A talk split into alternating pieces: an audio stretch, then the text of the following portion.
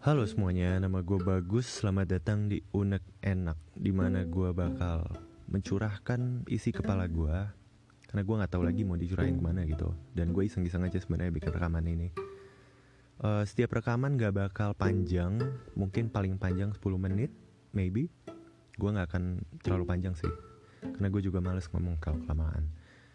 Oke, kita mulai aja. Episode pertama ini gue akan bahas tentang kritik dan mengkritik. Nah, kritik dan mengkritik. Kalian ya, di mana pun kalian tinggal, kalian pasti pernah mengalami hal semacam ini. Kalian mau mengkritik sesuatu atau seseorang. Terus ada orang yang nyeletuk ini. Ah, cuma bisa kritik, gak bisa ngasih solusi. Ada juga yang kedua. Ah, cuma bisa ngekritik, komen doang Buktiin coba pakai karya, bisa nggak lu bikin yang lebih baik? Biasanya kan suka gitu kan. Nah, ini gue bakal bahas satu-satu. Jadi dari yang pertama dulu ya. Yang pertama, mengkritik harus ngasih solusi.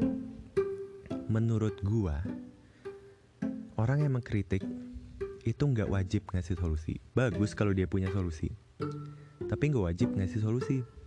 Itu menurut gue. Kan gini, lu itu bisa jadi orang yang mengerti dengan bidang tersebut atau bisa juga jadi orang awam. Nah kalau lu orang awam kemungkinan lu nggak tahu banyak tentang topik yang lu kritik. Bukan berarti lu nggak boleh ngasih kritik, tapi lu mungkin nggak akan punya solusinya. Jadi kritik-kritik aja, selama sopan sesuai porsinya ya silahkan. Tapi kalau lu nggak ngasih solusi pun nggak apa-apa. Nggak harus lu bisa ngasih solusi tapi itu pandangan gue aja. Nah sekarang yang kedua nih. Lu mengkritik gak boleh kecuali lu bisa ngasih karya yang lebih bagus. Well well well well. Gini ya. Ada kritikus film. Apakah kritikus film harus jadi sutradara dulu baru dia boleh jadi kritikus film? Apakah fashion critics ya kritikus dunia fashion harus punya brand fashion dulu harus launching baju dulu collection dulu baru dia valid untuk ngekritik.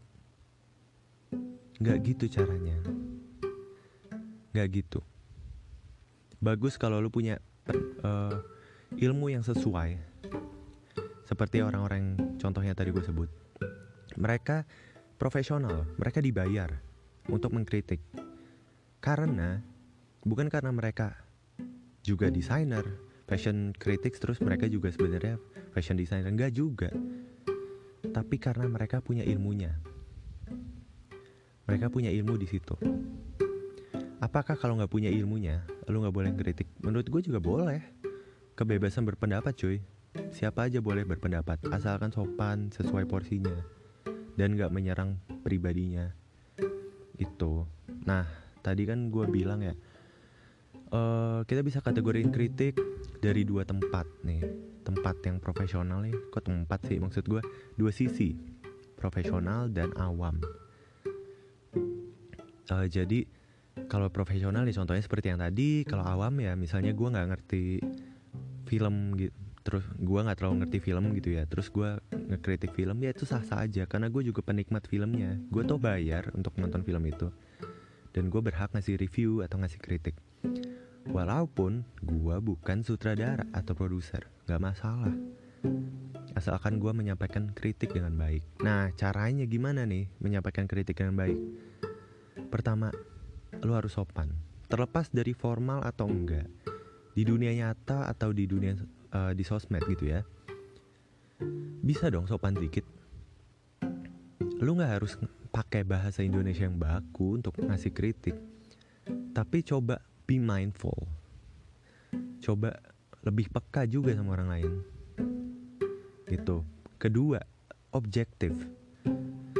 Kalau lo mengkritik suatu film, kritik filmnya, lo nggak perlu ngata-ngatain atau ngerendahin siapa pun orang yang terlibat di belakangnya.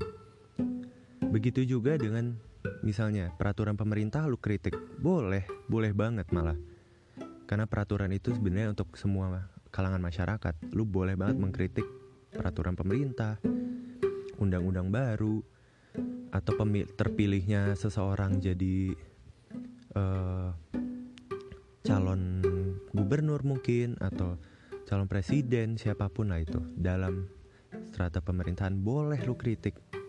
Tapi lu nggak perlu nyerang orangnya. Karena lu nggak kenal sama orangnya itu udah ngelebar dan lu nggak objektif namanya. Kalau lu nggak suka sama kebijakan pemerintah lu kasih poin kenapa lu nggak suka. Lu kritik tuh. Lu nggak perlu ngata-ngatain dan ngerendahin orang yang bikin itu. Nggak perlu sebenarnya. Lu malah terlihat seperti savages. Kayak orang barbar yang nggak yang nggak punya aturan nggak punya attitude gitu. Ya jadi ada etikanya juga lah kalau lu mau mengkritik. Dan kalau lu nggak mau ngikutin ya nggak masalah. Cuman ya orang akan beranggapan kalau lu hmm, insensitive. You don't know better. Ya begitulah. Poin yang terakhir selain objektif, ya jelas tadi sih udah gue sebut juga jangan menyerang orangnya. Seranglah sesuatu yang lu lagi uh, bahas. Contohnya nih, lu nggak suka dengan kinerja seseorang di dalam pekerjaannya, kritik, kritik kinerjanya, bukan malah ngata-ngatain orangnya. Kalau lu tiba-tiba jadi uh, ngata-ngatain, ngasih ancaman dan yang lain-lain, lu kelihatan goblok sendiri gue jamin banyak orang yang mikir lu bodoh makanya lu berlaku seperti itu ah ini udah 6 menit sekian sih gue cuma punya bahan itu aja untuk diomongin. Uh, lain kali gue akan ngomongin topik-topik lain. Nggak tahu sih tentang apa tergantung otak gue aja gue lagi mau mikirin tentang apa. Terima kasih banyak udah denger. Sampai jumpa di rekaman yang selanjutnya. Stay tune. Bye.